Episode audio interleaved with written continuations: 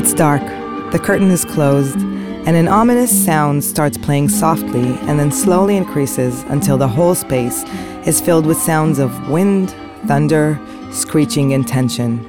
The seated people in the audience continue chattering as if the show hadn't started yet. This goes on for a long while. Then abruptly, everything stops, and the audience goes silent. This is how Yoram Karmi brings us into the new 2022 piece Acharit, Aftermath in Hebrew. The curtains open. A dim, gloomy light slowly fades in, and the sound is once again turned down. We hear knocking.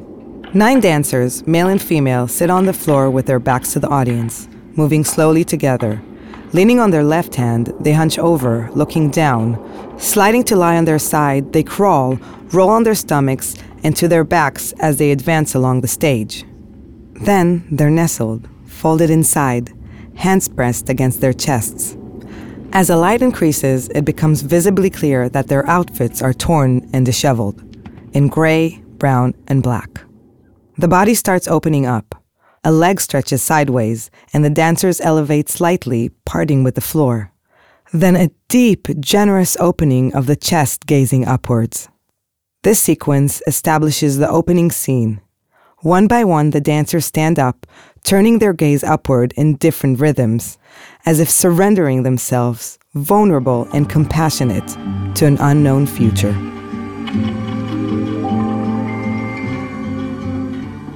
You can see the trailer of the piece in our Creatures of Dance podcast website.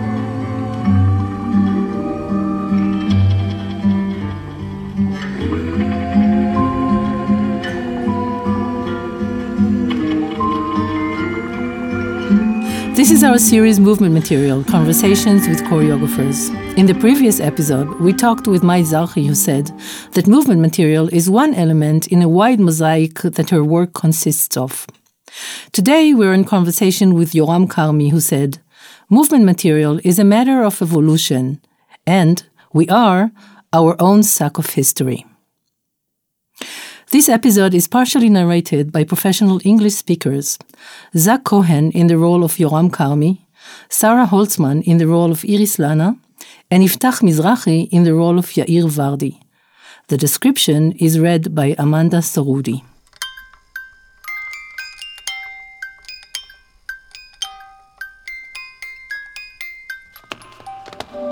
You're listening to Creatures of Dance, a podcast on contemporary dance in Israel. Creatures of Dance with Iris Lana and Yali Nativ.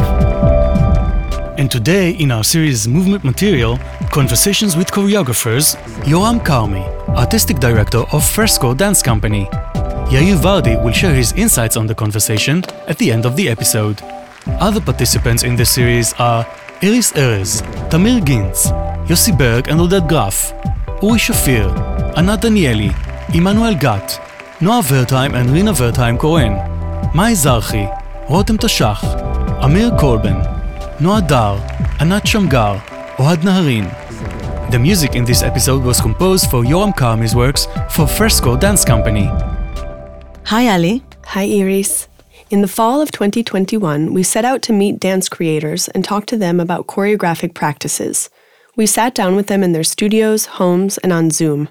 We asked them what movement material means to them and how they feel about the connection between the dancing body and the movement. The artists we talked to come from a wide range of aesthetic disciplines, styles, and genres. Some work in institutions as artistic directors of their own ensembles, and others are independent creators. The motivation behind this series stems from the curiosity and wish to talk about and better understand current choreographic processes we wanted to look under the hood of the creative process, to go inside the studio, but mainly inside the artists' heads, and to hear directly from them about their unique methods and creative mechanisms. We were eager to talk about something that is rarely discussed the early stages of the creative process and the initial production of work materials and the translation of thoughts and ideas into body, movement, and work practices. We found different models through which the choreographers addressed movement material, or to be precise, the slightly different way each of them refers to the concept of movement material. But what they all have in common is they all consider the body as the medium of dance, the origin and the resource of movement material. Moreover, they all mention the dancers and the dancers' bodies, saying that the encounter with the dancers' bodies is key to the production of movement material. This raises the questions what's the dancer's place in the movement material production process? Are they performers, interpreters, creative partners? And what's their validity and place as human beings, subjects in the creative choreographic process? These questions inevitably lead us to wonder about the power dynamic between creators and dancers, hierarchy and authority throughout the work process. They also point us in the direction of another issue performance, or, in other words, what happens when the movement material meets the bodies of the dancers performing it, and what is the significance of this encounter during the choreographic process? Did we mention looking under the hood?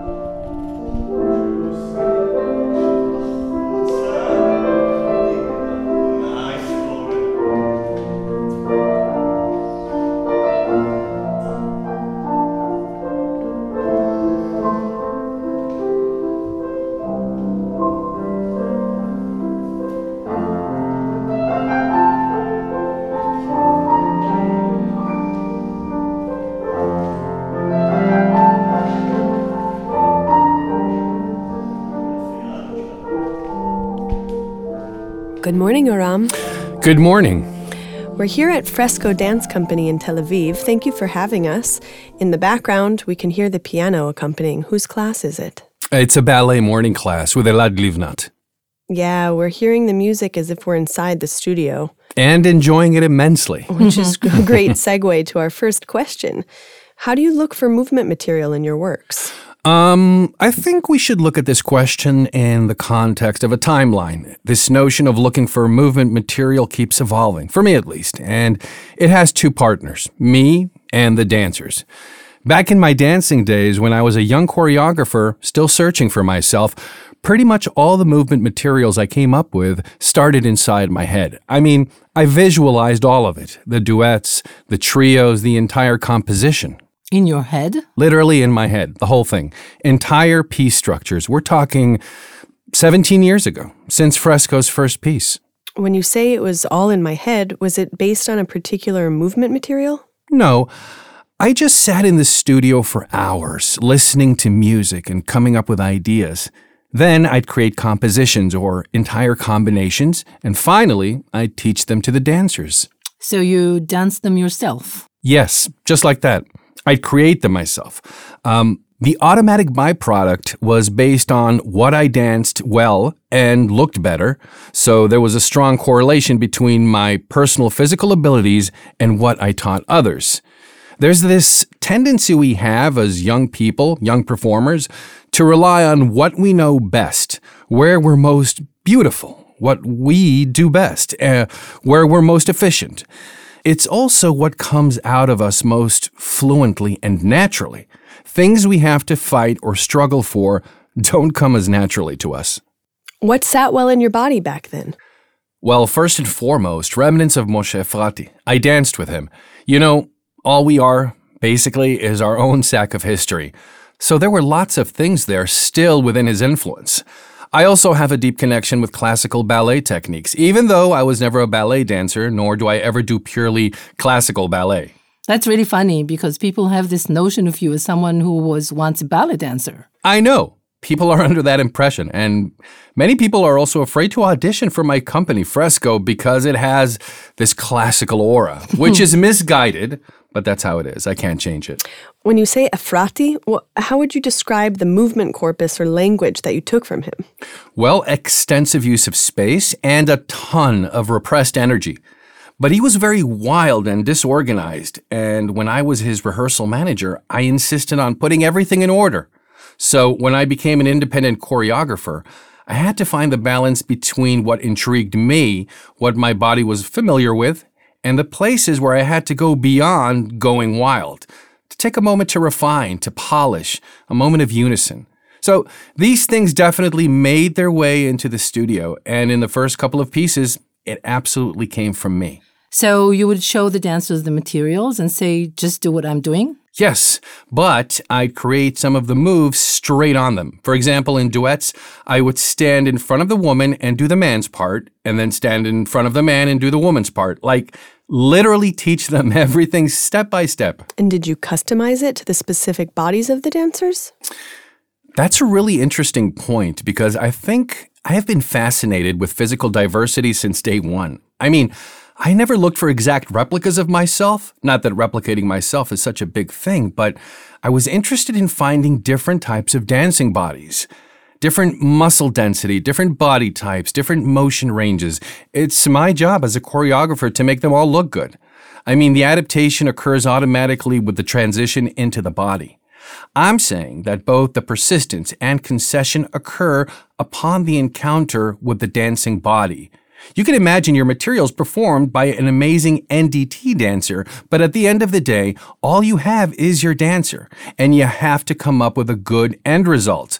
So some of the exploration into the qualities of the movement takes place in this negotiation between your own imagination and the specific dancer you are working with. Hmm. Interesting. Was it frustrating? No, not at all. Was it educational? Yes. First of all, they're way better than you are. I mean, mm-hmm. always those dancers. Come on. Yeah.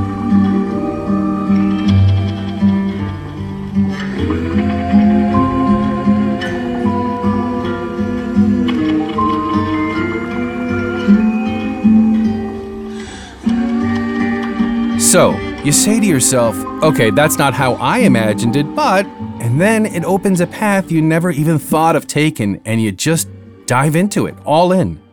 And indeed, over the years, by the time I realized what I was all about, and dancers started staying for two, three, four years, we've established a trust. Uh, we spoke the same language. So, this process of improvisation and taking some of the materials from the dancers themselves started making its way into the creative process. Because as I said, people already knew me and I trusted them. But also because these days, it's very hard to say to a dancer, uh, listen, what you brought isn't right for the piece, you know? Um, anyway, they're interconnected, the body and emotions. So today, when we use a lot of improvisation, dancers, well, nowadays all dancers love saying they're dancer creators, right? Anyway, perhaps we should discuss the role of imitation in learning new materials. Yeah, but do you perceive learning or teaching through imitation as old school, or do you believe it's a worthwhile strategy? I think there's no longer such a thing as old school. I'm old enough to know that uh, what goes around comes around, okay? And when it does eventually come around, uh, it comes with attachments and insights.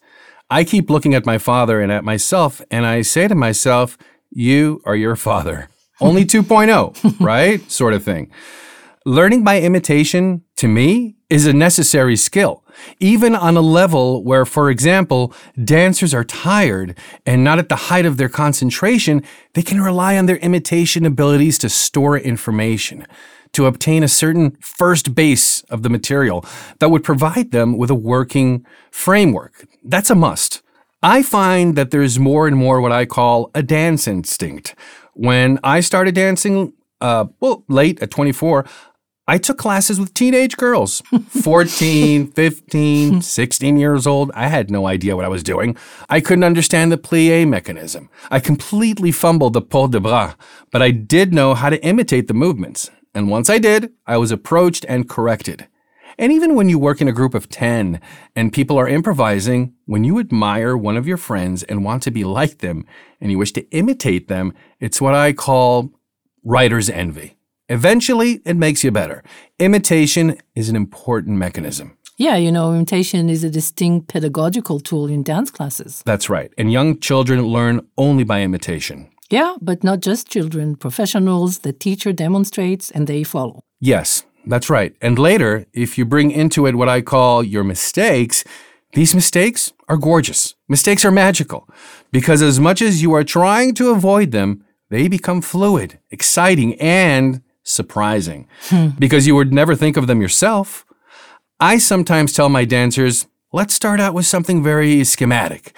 And now take the same phrase and play with time. And suddenly they have the opportunity to explore the movement in a different way. I'm going to say something that might sound unpopular for these times. I feel that people today find it difficult to say to young dancers, You're not ready yet. It's not deep enough just yet. Your personal arsenal isn't wide enough to sustain a solo. And it's my job as a creator to say, it's not that you are insufficient, it's just not there yet. So let's use a segment of it. And now let's talk about what we do next. Many dancers take it as a castration of the self. Mm-hmm. You know, in the improvisational process of searching for materials, a dancer may face some very difficult situations. For example, what if they come up with some beautiful material, but eventually they won't be the ones to perform it? I will give it to another dancer whom I think will do it better. What I want to say is that this kibbutz vibe, which is very trendy in the rehearsal studio today, comes with a price. A kind of quote unquote, throw your talent into the collective pool, but you should be well aware of the fact that the end result may vary. And tell me, this is something that is discussed openly in the company? Yes, I talk about it. I mention it at the beginning of each creative process.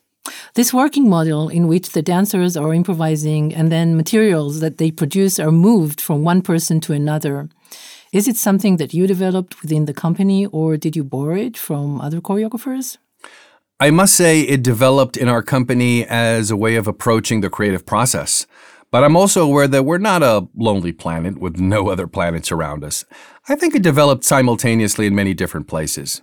However, as a dancer, I never experienced it myself. My generation didn't improvise all that much.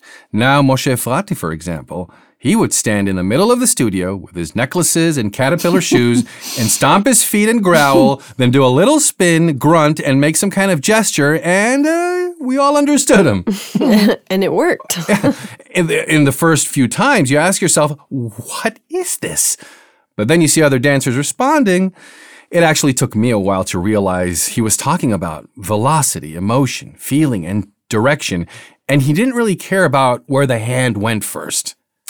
I understand today that it was indeed a kind of improvisation, okay? But since it was never labeled improvisation, you know, no one played any music and said dance in space, we had to pick our brains trying to figure out what he was talking about.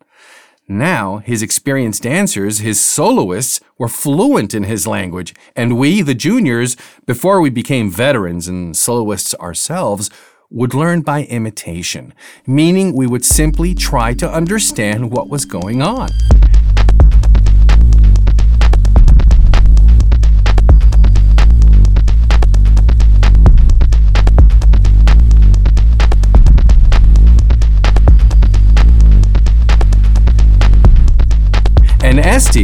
Esti Nadler was his rehearsal manager, but in fact, she was a mediator one of my strongest memories is from when one of the dancers left and Moshe wanted me to do a duet with uh, Rama Goren.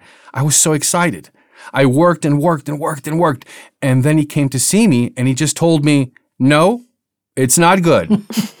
Which, by the way, if this kind of thing happens today and you say to a dancer who has worked so hard on a piece of choreography, it's a big drama.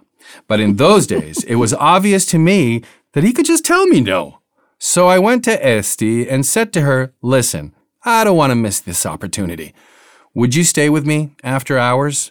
And for the next four days, she stayed with me two to three hours at the end of each day, and then she approached him and said, The kid worked hard. I worked with him myself. Come again to take another look. And he did, and I got the role. But as an understudy, let's not get carried away here, you know?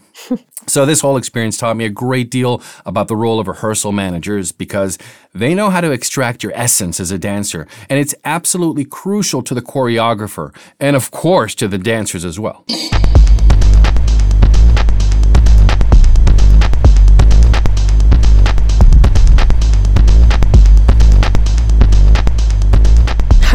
The role of the rehearsal manager? Is it to decipher the choreographer's vision in the dancer's body, or is it more technical just to rehearse, you know?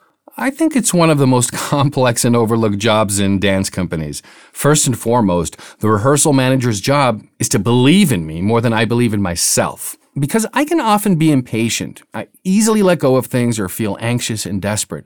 I tend to ride on the wave of inspiration without lingering on certain things. So, when I throw things away, it's the rehearsal manager's job to say, I made a note of it, and I will revisit these materials later. Or, stop! Don't throw this away! Take five, come back later. Let me give it another try.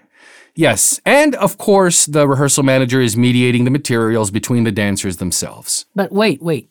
When she says the rehearsal manager, let me give it another try, does it mean that she's developing the material herself?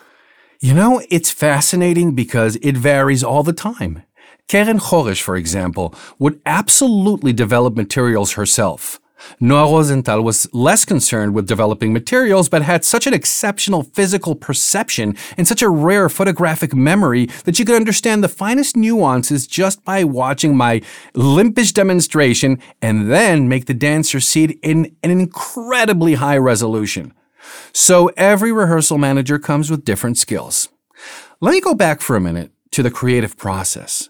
When you use improvisation, it never stays in that raw form.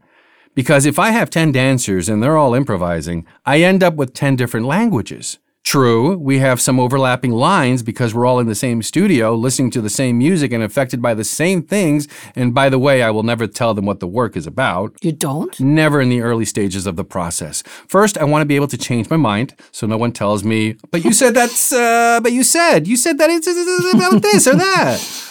Plus, I found that dancers or artists in general, there's this need to please, to meet your expectations. And when you provide a title, there it is, you automatically close off all other possibilities. Can you give us an example?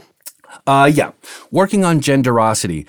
I knew what I wanted to do with this piece. I had no idea that there would be balloons, but I did know it was about sex, gender, sexuality, love. Back then, I had Dalia Chaimsky and Noah Rosenthal with me as managers, and for a week, we divided the studio into imaginary rooms. Each dancer was given a task list, and each space had a different task. They went from one task to another, performing it within a limited time, and it was all documented. Everyone on the outside noted their thoughts and feelings and whatever came to mind. And at the end of our four days' work, we had a massive amount of material. For example, from the femininity room, we had everyone's materials, and the same goes for the masculinity, body image, and family rooms. Other times we explored entirely different things, heights and textures, so that's one type of improvisational work. In my new piece that I'm working on now, I invited a musician, Noam Halfer, who also did the soundtrack for Genderosity, to spend two days with us. He brought all his musical gear with him loopers, acoustics, his laptop, and I just gave the dancers concrete, simple instructions that had to do with time, speed, space, height, and joints. They just finished working with two other choreographers who created for the company, and I just wanted to dust off their leftovers, so to speak. Yeah. We often have a tendency to preserve the things that we have embodied in us in the past months or years. And I knew in this case that live music would automatically freshen things up. So we did two days of what we called veggie salad. And I just sat there and meticulously took notes of everything that was going on. Was it text in writing? Writing text, free associations. Don't you draw to, to illustrate the movement? I doodle, yeah.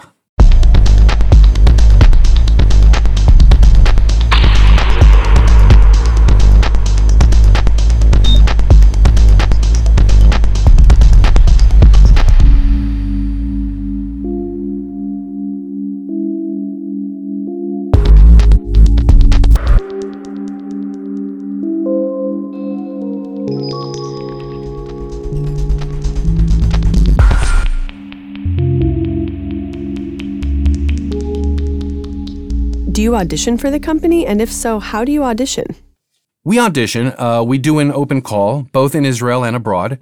Uh, we usually get between four and 500 applications by video. I watch all of them. Now, I'm not a huge fan of what I call a power audition. Well, I don't like it when 300 people show up to stand in line for us, so I do a preliminary screening and we usually invite no more than 80, 90 people who I genuinely believe have a chance to get in the company.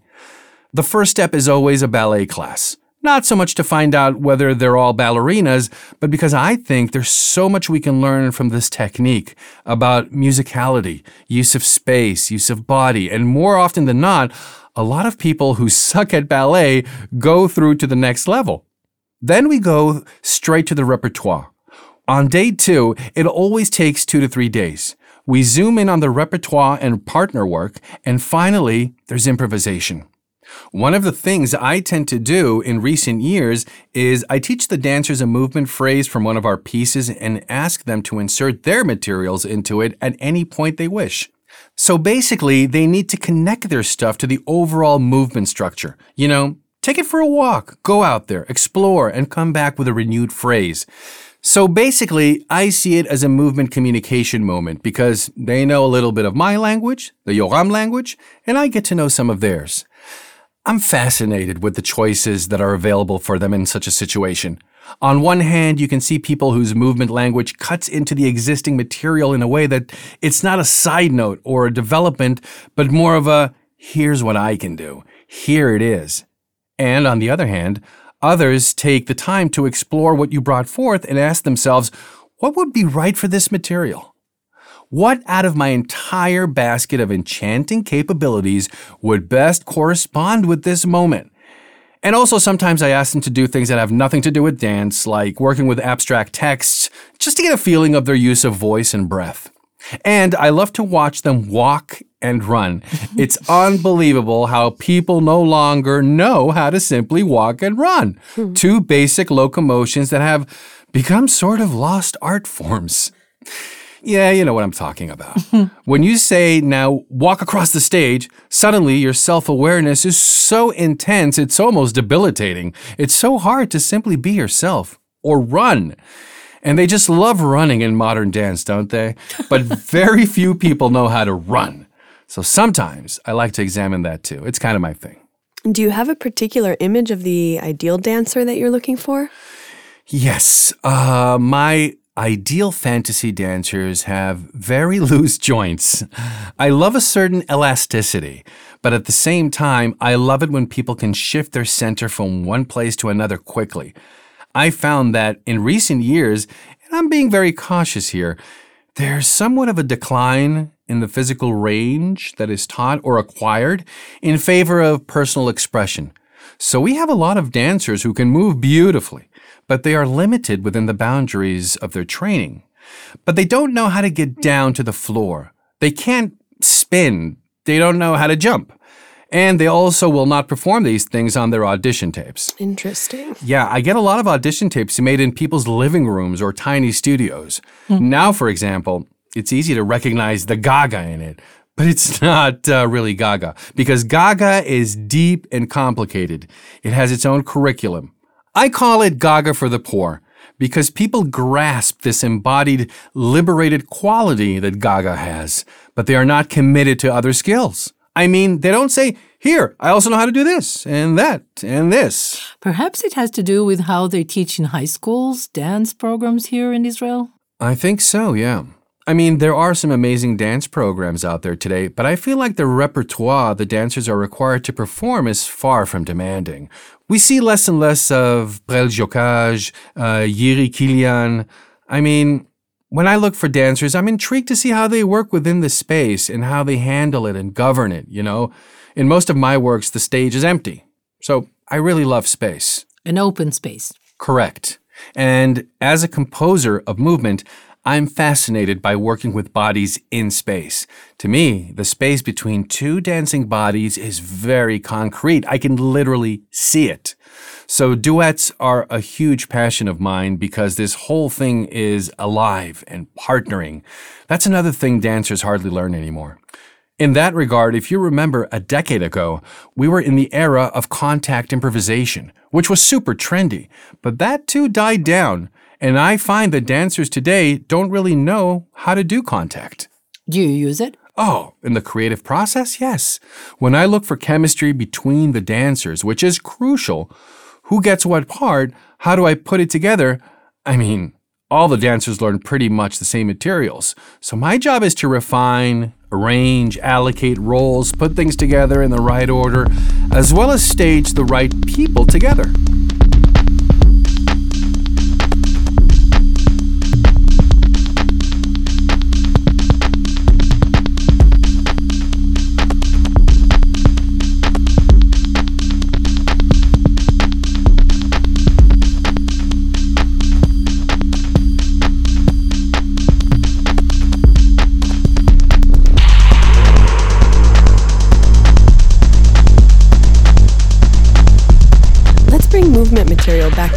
Conversation here. You said early on that your language is not ballet. Can you define your movement materials, your hmm. language? You know, it's funny. Someone told me once, I think that one of your major problems is that you do something different every time, while other companies have a distinctive aesthetic. This person argued that my work, Cerberus, was very distinct in its neoclassical style, so to speak, although half of it took place on the floor. Well, another piece of mine, for example, Sukariot Chamutzot, Sour Candy, was super theatrical, and Chatach Za'av, Golden Ratio, was highly intense and physically aggressive. I'm immensely proud that each piece goes in a different direction. But still, what can be identified as my language? I think I circle around things that seem familiar and lightly slice into them, change them. I mean, I love the extensions. Do you know what I mean? It's a question I ask myself a lot. Do you see in Yoram Karmi what you expect to see and ignore other different things that are there? I mean, to what extent does expectation affect our viewing experience? You're talking about predispositions. Exactly. Because, for example, when we did Golden Ratio, the choreography was about group work. There was hardly a virtuosic leg lift in sight.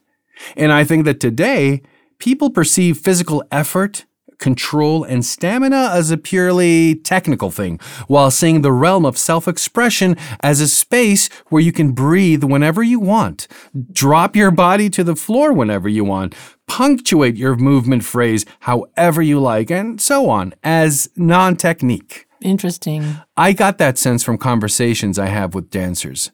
So, I think what characterizes me is, above all, a certain constructiveness that's heavily fractured. I somehow never work from narrative, but it always makes its way into the work. I get that a lot, that my works are communicative. In other words, people understand what they're about, so I guess there is indeed some inner dramaturgy that's significant. But I confess I love good pointed feet. but we are hobbits here in the Middle East, so what can I do?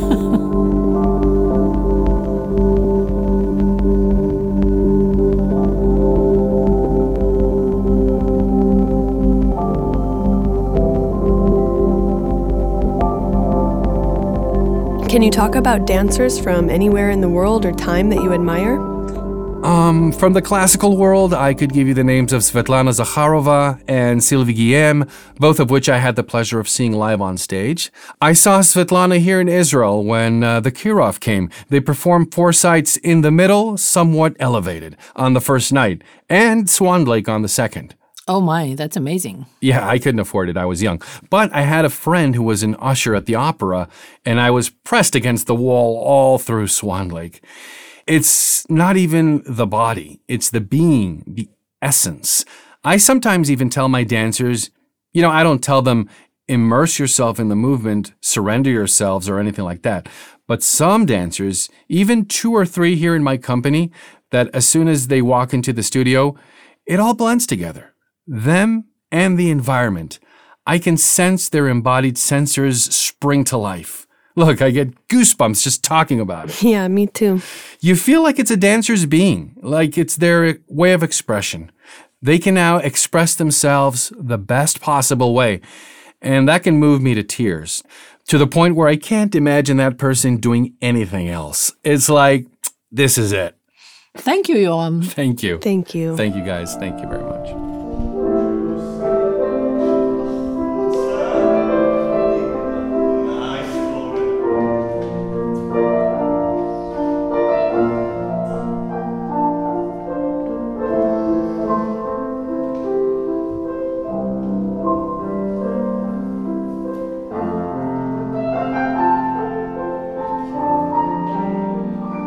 Vardi is an artist, lighting designer, dramaturg, and a curator in the area of performance art. He is the artistic director of Midarom, a multidisciplinary art festival in Ofakim, southern Israel, and a lecturer at Sapir College, Department of Cultural Studies, Creativity, and Production. We invited Yair to share with us some of his insight on our conversation with Yoram. Hi, Yair. Hi, Yali. Thanks for having me. Good to be here. Yair, what kind of issues did you find interesting in our talk with Yoram? Yeah, I think that the interview turned the spotlight on a number of issues. Yoram's journey with his own movement material is a fascinating one. Because at the beginning, he describes his early working methods and says, All the movements came from my own body, meaning I came up with the movements. They were in my consciousness. So I went into the studio, invented the movements, and passed them on to the dancers. So basically, here's Yoram, the choreographer and dancer, working with himself, right? He observes the world. Well, it's my interpretation here, yes? I assume mm-hmm. he's observing the world and looking at other dance performances, and in the studio, invents a certain stream of movements performed by his own body, and then he does the reverse. He gives these movements to the dancers. At this point, he works with a different body, with different capabilities, using a teaching model based on imitation, and in fact, that's how these movements are transformed. And he applies this method working with a group of five dancers, three dancers, a duet, a solo, and so on. But the interesting thing is that he talks about movements that stay in his body or his consciousness. He says, I basically choose the movements that sit well with me, or that I enjoy doing, or that stem from my joints. So this made me realize that there are two parallel frameworks here, right? If I'm working with my body on producing movement, I know how to do or visualize it, and what's left are the movements with which my body feels more comfortable with and is able to perform well. Well, do you mean it in a reductive way? Yes, we're basically reducing the scope of the movement material. Mm. Then there's the choice of the particular dancer who is to perform these movements that are immediately highly influenced by her body and her range of mobility. You know, what you're actually doing here is fascinating because you're articulating and conceptualizing the practice of working with dancers in the creative process.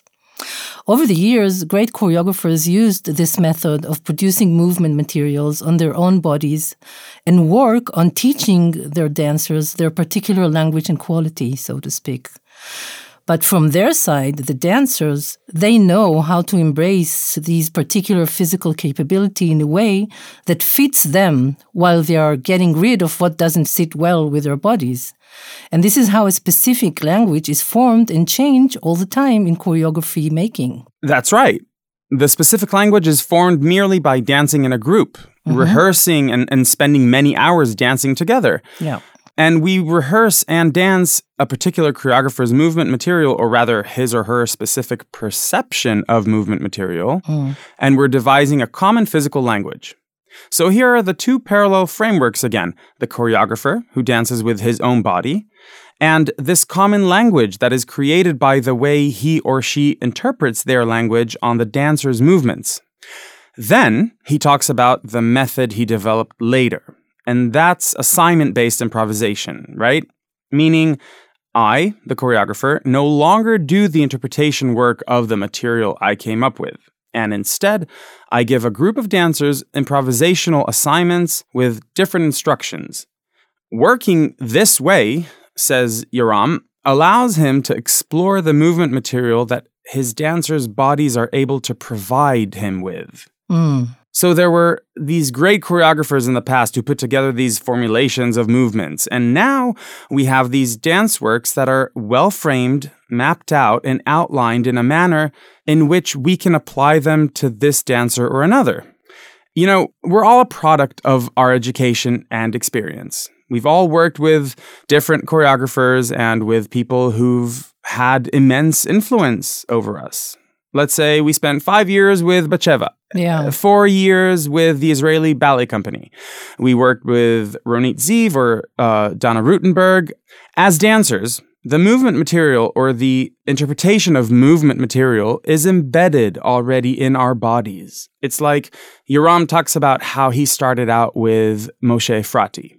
He says, I started working and I had just come out of Moshe Efrati. I spent many years working with him. So naturally, his techniques and movement material were already inside my body. And then, as he explains, little by little he parted ways with Efrati, adding more layers and refining his movement material. Can you clarify? Are you talking about a situation where dancers perform Yoram's material and their bodies create this infusion between what he brings to the table and some other residues that exist in their bodies from other places or past experiences? Or are you referring to what's going on in the improvisational process?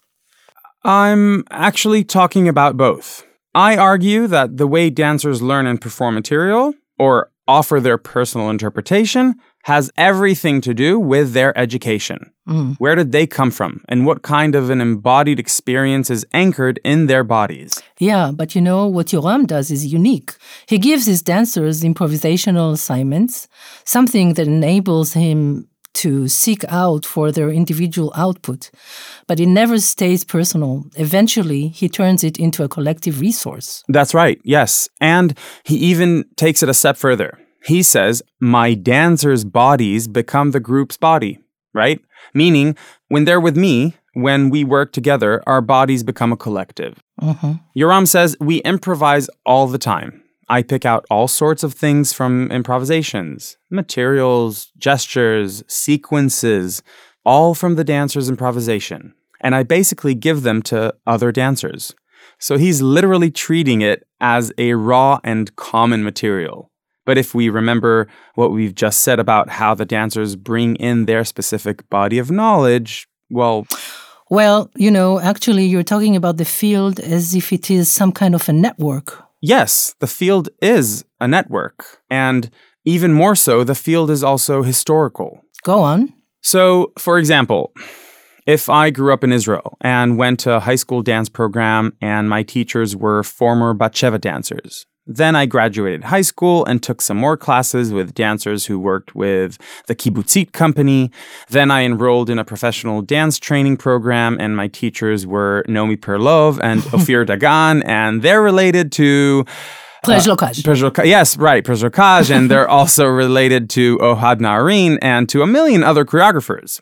And still, within this trajectory that I'm on, my body and my physical perception are totally affected by all these systems experiences that I've been through. Mhm. Now, it's not just in the body. For example, I, Yair Vardi, embrace the Kibbutzim College, the Visual Theater School, the Dartington Art School, and Berlin's AZT, because these are all institutions I attended and they helped shape my artistic view. Mhm. That's how it works. And that's how a field is created. And that's what Yoram Karmi does. Yeah. And then you can take it from one dancer to another.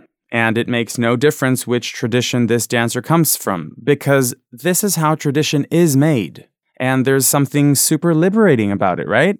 Mhm. Yoram also says something like My role as a choreographer is to put things in order, to decide on the solo, the group segments, the duet, what materials are performed in unison, what materials go in a canon, which materials go where and how. And that's how I compose my piece, basically. It's fascinating to see how the choreographer is also an architect. You know, I don't only extract the movement materials, but rather I see my role deeply as a choreographer to organize the materials, to decide what to do with them. And then he talks about his rehearsal manager, which is another super interesting part of Yoram's work, right? Yeah, absolutely. He's been working with extremely strong rehearsal managers for a very long time, right? And sometimes he had two at a time. Mm. It's interesting to me that he sees their role as mediators. However, they're not only mediating his movement materials to the dancers, but as a matter of fact, they're mediating between his movement material and himself. Yeah. He says something beautiful. They insist that things I experimented with and don't believe would work will indeed work. All I need is patience and give us a moment to organize things because it won't happen instantly.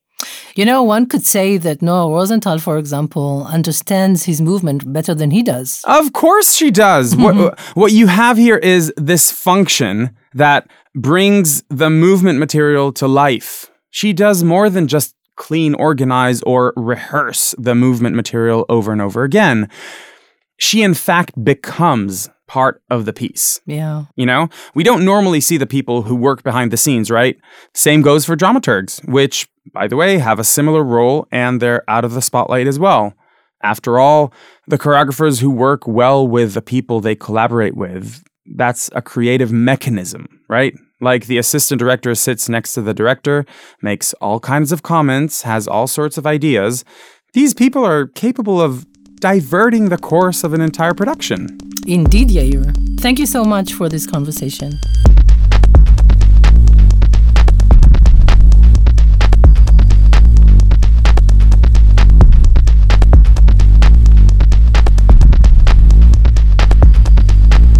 Thanks to Yoram Karmi and Yair Vardi, to our editor and announcer Zohar Zaltz from Eshel Studios, and to the narrators who have worked on this episode Zach Cohen, Sarah Holtzman, Iftach Mizrahi, and Amanda Sarudi. We also wish to thank Ido Kainan and Omer Senesh from Podcastico. Iris Lana is a dance researcher and lecturer at the Dance Academy and Seminar Kibbutzim College. She headed the Batsheva Archive Foundation Project and the Field of Dance in the National Library's Digital Preservation Project. Yali Nativ is a teacher and researcher of dance in sociological and anthropological contexts. She is a senior lecturer at ASA, the Academic College of Society and the Arts. She writes about art education, sociology of the body, movement and performance, and dance in Israeli society. Her current research deals with aging professional dancers. Yali is head of the Israeli Choreographers Association. We invite you to visit the Creatures of Dance website, where you'll find photographs, clips, and links to the pieces that we discussed in this episode, as well as previous episodes of the podcast that you can listen to. This podcast is part of the Tights Dance and Thought discourse platform. The production of the podcast was made in collaboration with the Ministry of Foreign Affairs Cultural Diplomacy Department. We thank Ido Feder, the Israeli Choreographers Organization, and the Ministry of Culture and Sports. This episode was recorded in Hebrew in the winter of 2022. The English version was recorded in the spring of 2023. The music in this episode was composed for Yoram Karmi's works for Fresco Dance Company. Aftermath from 2022. Original music and soundtrack by Noam Halfer. And Golden Ratio from 2021. Music by Gal Hochberg.